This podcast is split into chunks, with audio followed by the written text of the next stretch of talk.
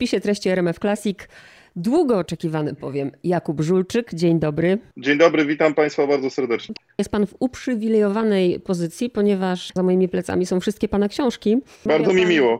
Tak, rozmawia Pan z kimś, kto rzeczywiście ma, ma, bardzo dobre nastawienie do, do Pana i do tego, o czym Pan pisze.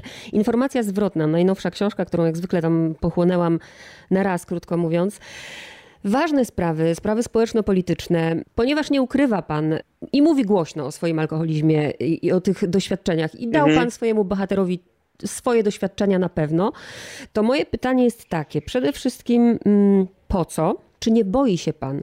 Bo alkoholizm jest chorobą, jakby nie było, y, nawrotową, przewlekłą. No nigdy nie możemy powiedzieć, prawda? Jest, jest się trzeźwym tylko dzisiaj, nie?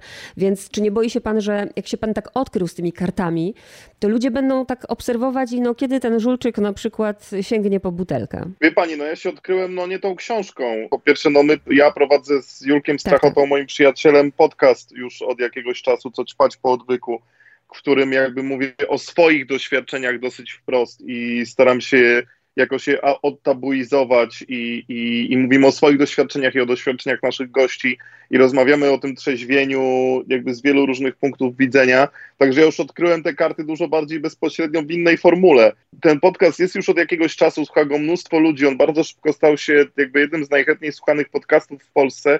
Dostajemy za to mnóstwo feedbacku i nie spotkałem się nigdy z jakimś takim, wie pani, odbiorem tej sytuacji, że ktoś mi dał do zrozumienia, że czeka, że mi się powinie noga na przykład. Że nie, raczej ja, to jest ja nie, prostu... o tym, nie, nie to mam na myśli, bo to rzeczywiście, że pan o ty, i ten podcast, to wszystko wiem, tylko na przykład, no nie wiem, weźmy, przepraszam, że o niej mówię, ale żeby panu zobrazować, o co mi chodzi. Um, Ilona Felicjańska, prawda, która też jakby wyszła z tym swoim alkoholizmem, napisała kilka książek na ten temat, no i, no i płynie. Rozumie pan? To, co mówiła... To jest bardzo przykre, mhm. to jest bardzo przykre, co się z nią dzieje i jest to oczywiście jakimś tam taką lampką ostrzegawczą, na pewno ta historia. Oczywiście życzę jakby jej w ogóle pogody ducha i wszystkiego dobrego i mam nadzieję, że się jakoś upora z tymi swoimi problemami. Ja to traktuję bardziej, to działa w drugą stronę, wie pani, to jest takie po prostu, że w momentach kryzysowych różnych, jeśli one przychodzą albo jeśli one by przyszły, no to ja wiem, że to nie jest tylko po prostu o, za, o przez to, że ja stało się to sprawą publiczną i sprawą taką aktywną, to ja wiem, że jeśli powinie mi się noga, to, to ja zawiodę nie tylko siebie i nie tylko swoich bliskich, ale też zawiodę mnóstwo ludzi, którzy gdzieś tam mi zaufali w kwestii tego picia, nie picia i tak dalej. Także to jest jakby taki czynnik podtrzymujący właśnie trzeźwość, powiedziałbym, że to działa w drugą stronę. Tak, rozumiem, Natomiast tylko, też, to jest też, choroba, też wiadomo. To...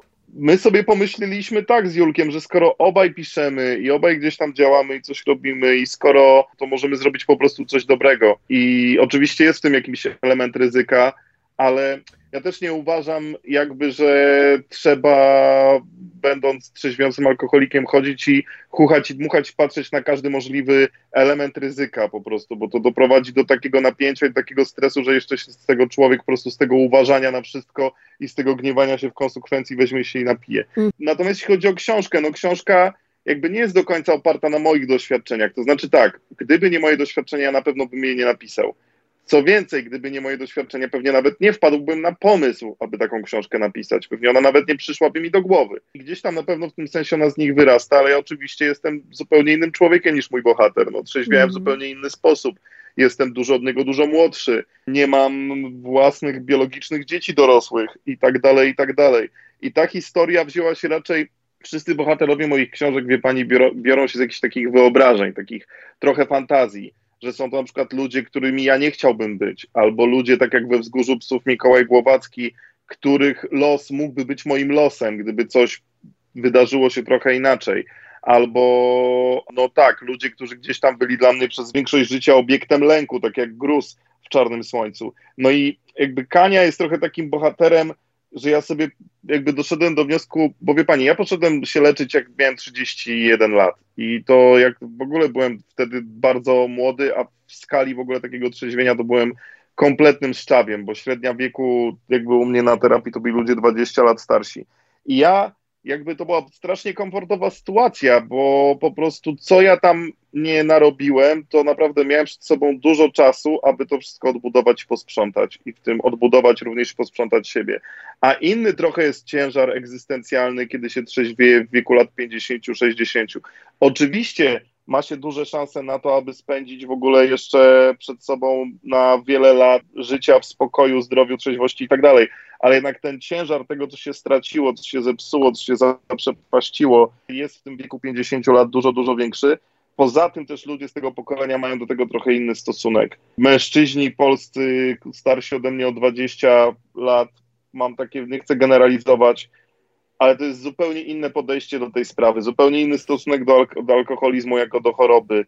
Dużo więcej takiego połykania tego, trzymania tego przy orderach, wypierania, no przede wszystkim ogromnego, potwornego wypierania. Mhm. Także ten, pod tym kątem tego bohatera tworzyłem, pod tym kątem go konstruowałem. Widziałem jakieś głosy, ogólnie odbiór książki jest niesamowicie dobry, ale widziałem jakieś takie pojedyncze głosy, będące jakimś tam rozczarowaniem typu, dlaczego Żulczyk nie napisał książki o bardziej swoim pokoleniu, o takich, o milenialsach, no bo ja sam tam, przynajmniej rzecz biorąc metrykalnie, jestem takim późnym milenialsem, bo to się chyba zaczyna od 80 roku, a ja jestem z 83. Natomiast y, są już takie historie w polskiej literaturze, a mi trochę chodziło, czy w polskim filmie i tak dalej, a, a mi chodziło o coś trochę innego. Mm-hmm. Te misje, bo ja to tak nazwę, nazwę tą misją, bo ja to po prostu czuję, czy, czy mowa o podcastach, czy o tej książce, no na przykład chociażby chwali się to, że w usta Sławka wkłada pan coś, co powinno się wydawać tak oczywiste, a oczywiste nie jest. Kiedy Sławek mówi, że a ja myślałem, że alkoholik to jest taki, co pije, a nie taki, co nie pije. Że w Polsce nadal, mało tego, nadal, y, nie tak. wiem, jak celebryci po terapiach się fajnie, wypowiadają. Fajnie, że pani wyłapała ten cytat. Nawet celebryci się wypowiadają, byłam alkoholiczką. No to wtedy uśmiech na twarzy, bo alkoholikiem się no nie ma czasu przeszłego. Tak, I... chociaż wie pani co, owszem, ja też wiele razy wypowiedziałem w swoim życiu zdanie, słowo jestem alkohol, zdanie jestem alkoholikiem, albo jestem alkoholikiem i narkomanem, albo jestem uzależniony i tak dalej. Ale to jestem alkoholikiem, to jest ciekawe, bo na przykład my ostatnio gadaliśmy z takimi młodszymi osobami u nas w podcaście, na przykład z y, Olą Zbroją albo z y, Dominiką Matysiak, yy, bohaterkami naszego podcastu, które gdzieś tam i tam padło takie z ich strony ciekawe stwierdzenie, że one na przykład, chociaż wiedzą, że są chore, wiedzą, że są uzależnione i nie wypierają się tego, to one na przykład słowo alkoholik, alkoholiczka jest dla nich jednak bar, zbyt stygmatyzujące. One nie chcą się tak tożsamościować, nie chcą się tak określać, bo jednak to słowo, pomimo wielkich starań ludzi, którzy zajmują się tym leczeniem, w polskim języku jest wciąż stygmatyzujące. A one tego, że wciąż w tym polskim języku, właśnie tak jak mówi Sławek w mojej książce, alkoholik to jest ten, co pije, a nie ten, co nie pije, albo ten, co leży zasikany, ten, co stracił wszystkie pieniądze, ten, co żonę pobił i tak dalej, i tak dalej. Mhm. I oczywiście, że nie jest to prawda, bo definicja jest zupełnie inna i praktyka jest zupełnie inna, ale one tej stygmatyzacji po prostu, po prostu nie chcą i dla mnie to jest ciekawe, ja się tego nie boję, natomiast, natomiast rozumiem też takie podejście. Mm-hmm. To, co jeszcze jest ciekawe przy tym wątku. Natomiast byłam, byłam, tak? byłam, powiedzieć, byłam alkoholiczką. Rzeczywiście tu się z panią zgadzam, jest pewnym paradoksem. Tak. Chociaż pojawiają się też teraz terapie oparte na kontrolowanego. Mm. Ja, ja mam do nich bardzo sceptyczny stosunek, ale o czym mówiłem też w podcaście, ale też nie jestem najmądrzejszy na świecie, tak? Mhm. E, jeszcze dwie kwestie, które, które są e, interesujące dla mnie. Mianowicie, no pan pokazuje na przykładzie Kani rzeczywiście, jak ta choroba, podkreślmy to cały czas choroba, jakie gruzowisko wokół siebie robi, jak niszczy rodzinę i wszystko mhm. wokół. Ale teraz pytanie, e, bo pan pokazuje też, no właśnie, że to jest choroba zakłamania, samego siebie nawet. On chodzi na terapię, a mimo wszystko manipuluje wszystkimi i tak dalej i nie robi tego świadomie, bo jest to choroba. I teraz pytanie, czy ludzie nieuzależnieni są w stanie tak naprawdę to zobaczyć i współczuć Kani? Czy raczej właśnie mm, nikt tego nie zrozumie, bo pomyśli, no ale kawał z i tak dalej, nie? To jest pytanie do odbiorców mojej książki. Ja nie jestem, ja nie robię takiej, wie pani, literatury obliczonej na efekt, bo jej się moim zdaniem nie da robić do końca. Jakby ja mogę po prostu stworzyć bohatera, który jest na tyle gdzieś tam narysowany jakimiś za pomocą różnych subtelności, że jakby jest na tyle niejednoznaczny, że widać, że jest to człowiek z jednej strony, który robi dużo zła, ale z drugiej strony, który utracił totalnie nad swoim życiem kontrolę.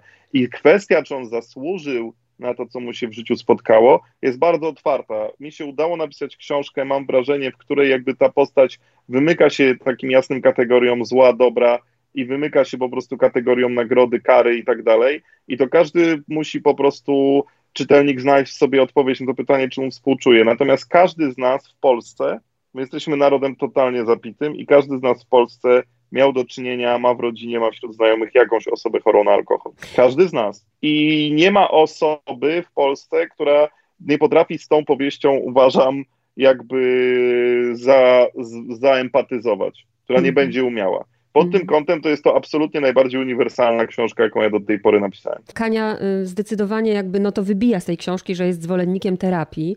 Mm, terapia rządzi się swoimi prawami. Dosyć niepochlebnie wypowiada się o AA. Zastanawiam się, czy to niepochlebnie, może, no, no w sumie niepochlebnie, tak jakby trochę drwiąco. Mm, zastanawiam się, czy nie robi mm, Jakub Żulczyk złego PR-u AA. Eee, to znaczy tak, to po pierwsze jakby to, to też jest, bo to jest trochę pytanie tego typu, to często pada w moich książkach, jakieś są takie oskarżenia, że ja po prostu pewne rzeczy opisuję. To jest tak, że jakaś tam czytelniczka napisała, że mnie bulwersuje, jak Marcin Kania traktuje kobiety. Mnie też bulwersuje, jak Marcin Kania traktuje kobiety. Rozumie, rozumie pani mm -hmm, o co mhm, chodzi? Ja mm -hmm. nie mhm. jestem jednym z, moim jednym z moim narratorem i jakby ten narrator jest jakby taką w moich książkach pierwszoosobową figurą niewiarygodną dosyć i trochę już chyba ludzie są przyzwyczajeni do tego, że jak jeśli ktoś mówi w moich książkach, to nie do końca to mówi Żulczyk. Fajnie, że pani zadaje to pytanie, bo tę różnicę między terapią a, a jakby należy zawsze warto podkreślać, bo to się wielu ludziom zlewa w jedno, a to nie są do końca też sa, te same te same byty. Okej, okay, no i też Marcin Kania jakby trochę im dalej w las z tą książką do tych, to też chyba rozumiemy, że nie do końca Marcin Kania ma prawo do wydawania tego typu opinii, bo też jeśli chodzi o terapię, to też nie jest człowiekiem, jak się okazuje, z każdą kolejną stroną książki, traktującym jednak tę sytuację jakkolwiek poważnie. Do czego w końcu dojdziemy, dochodzimy na samym końcu. Z tym AA, no owszem, znaczy tak, ja na przykład sam do AA chodzę rzadko, może powinienem częściej. E, mi pewne rzeczy też w AA nie do końca pasują. Znaczy, to nie o to chodzi, żebym je zmienił, gdybym mógł, ale na przykład nie do końca AA pełni trochę funkcję takiego pogotowia, więc na przykład na meeting można przyjść pijanym. Nie można się wtedy odzywać, ale można przyjść pijanym. Dla mnie to na przykład jest takie, mi to zaburza jakiś tam komfort, ale taka jest tego funkcja, tak, że jeśli ktoś jest w jakiejś super krytycznej sytuacji, ma się, nie wiem, zabić, a ma przyjść na meeting, no to chyba lepiej, żeby przyszedł na meeting, tak? Że jest to taka na terapię, na przykład na terapii jest to niedopuszczalne. I też to, że AA nie jest procesem medycznym. Terapia jest procesem medycznym, który przeprowadza ktoś, kto ma medyczne, psychoterapeutyczne, terapeutyczne kwalifikacje. A, a takim procesem nie jest. A, a jest taką jakby czymś w rodzaju takiego, trudno powiedzieć, świeckiego kościoła. Się zawsze śmieję, że AA to jest organizacja, której należy jakby oddać jedno. Jest to jedyna sytuacja, moim zdaniem, w historii ludzkości, anonimowi alkoholicy i mam nadzieję, że gdy to powiem, to członkowie AA którym też de facto jestem, no bo byłem w życiu ileś tam razy na meetingach, tak, a wystarczy pójść raz, żeby stać się członkiem wspólnoty. Także mam nadzieję, że członkowie wspólnoty się nie obrażą, bo ja to mówię trochę pół żartem, pół, pół serio i mówię tu z ogromną sympatią, ale AA jest jedyną organizacją w historii ludzkości, w której udało się zaprowadzić czysty komunizm. Udało się wymyślić organizację, która zajmuje cały świat, jest kompletnie nieoparta na pieniądzu i w której wszyscy są równi.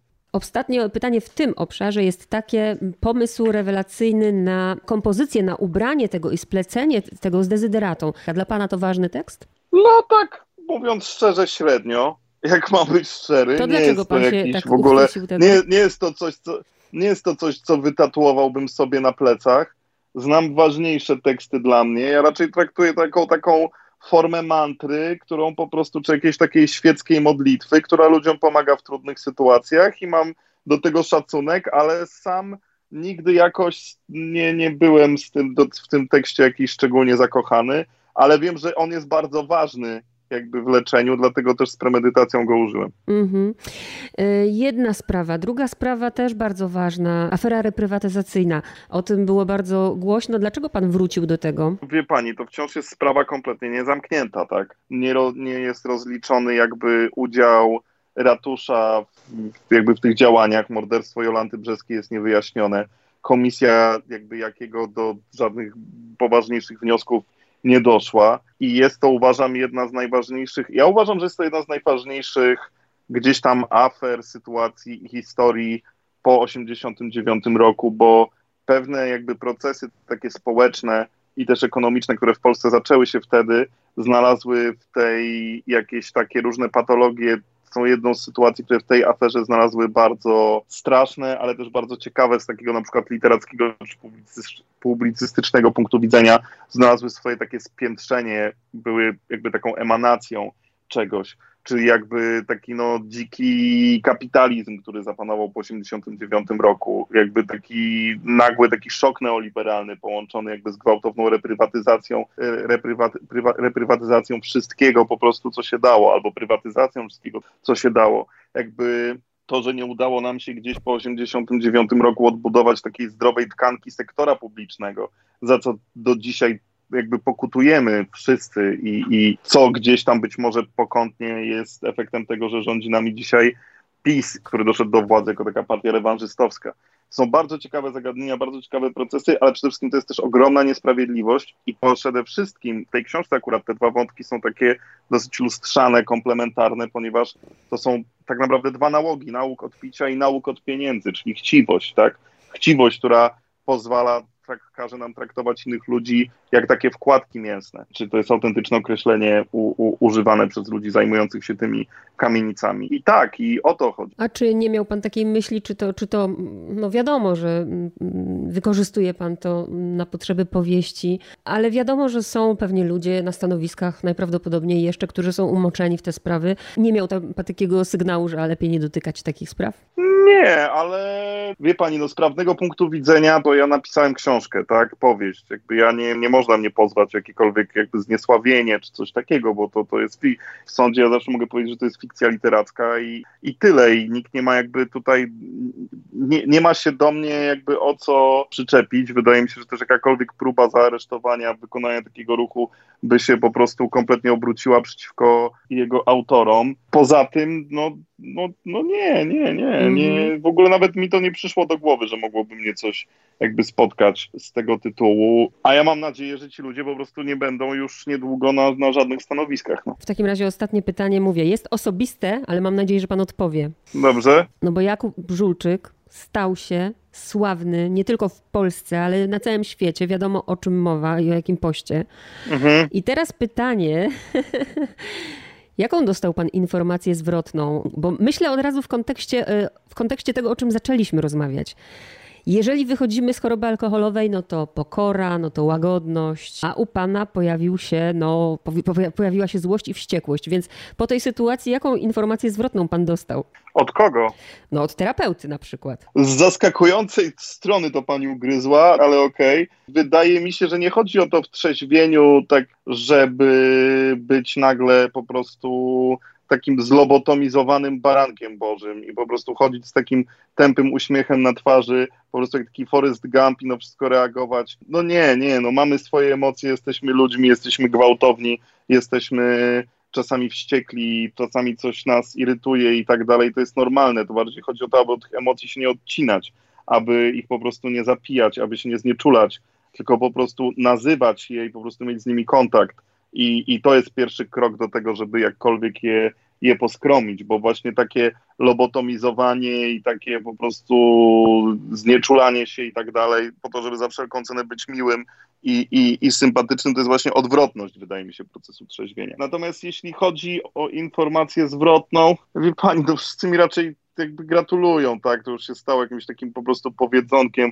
przeszło to do języka potocznego. Ja dystansuję się na razie od komentarza w tej sprawie, dopóki jakby sprawa nie jest zakończona i, i, i nie mam jeszcze nawet terminu rozprawy, także trochę się, się dystansuję. No wiem, że informacji zwrotnej udzielił mi w wywiadzie jakby z y, Pałacu Prezydenckiego sam pan prezydent, no ale, ale no, no, oczywiście jakby no, to zrobił, to miał do tego prawo i tak dalej. Ja uważam, że są ważniejsze sprawy, y, którymi on powinien się zajmować, ale przecież ja nie mogę jakby mówić mu, co on ma robić. Jakub Żulczyk, dziękuję bardzo. Dziękuję Państwu bardzo, dziękuję Pani i mam nadzieję, że słyszymy się w przyszłości i miłego dnia.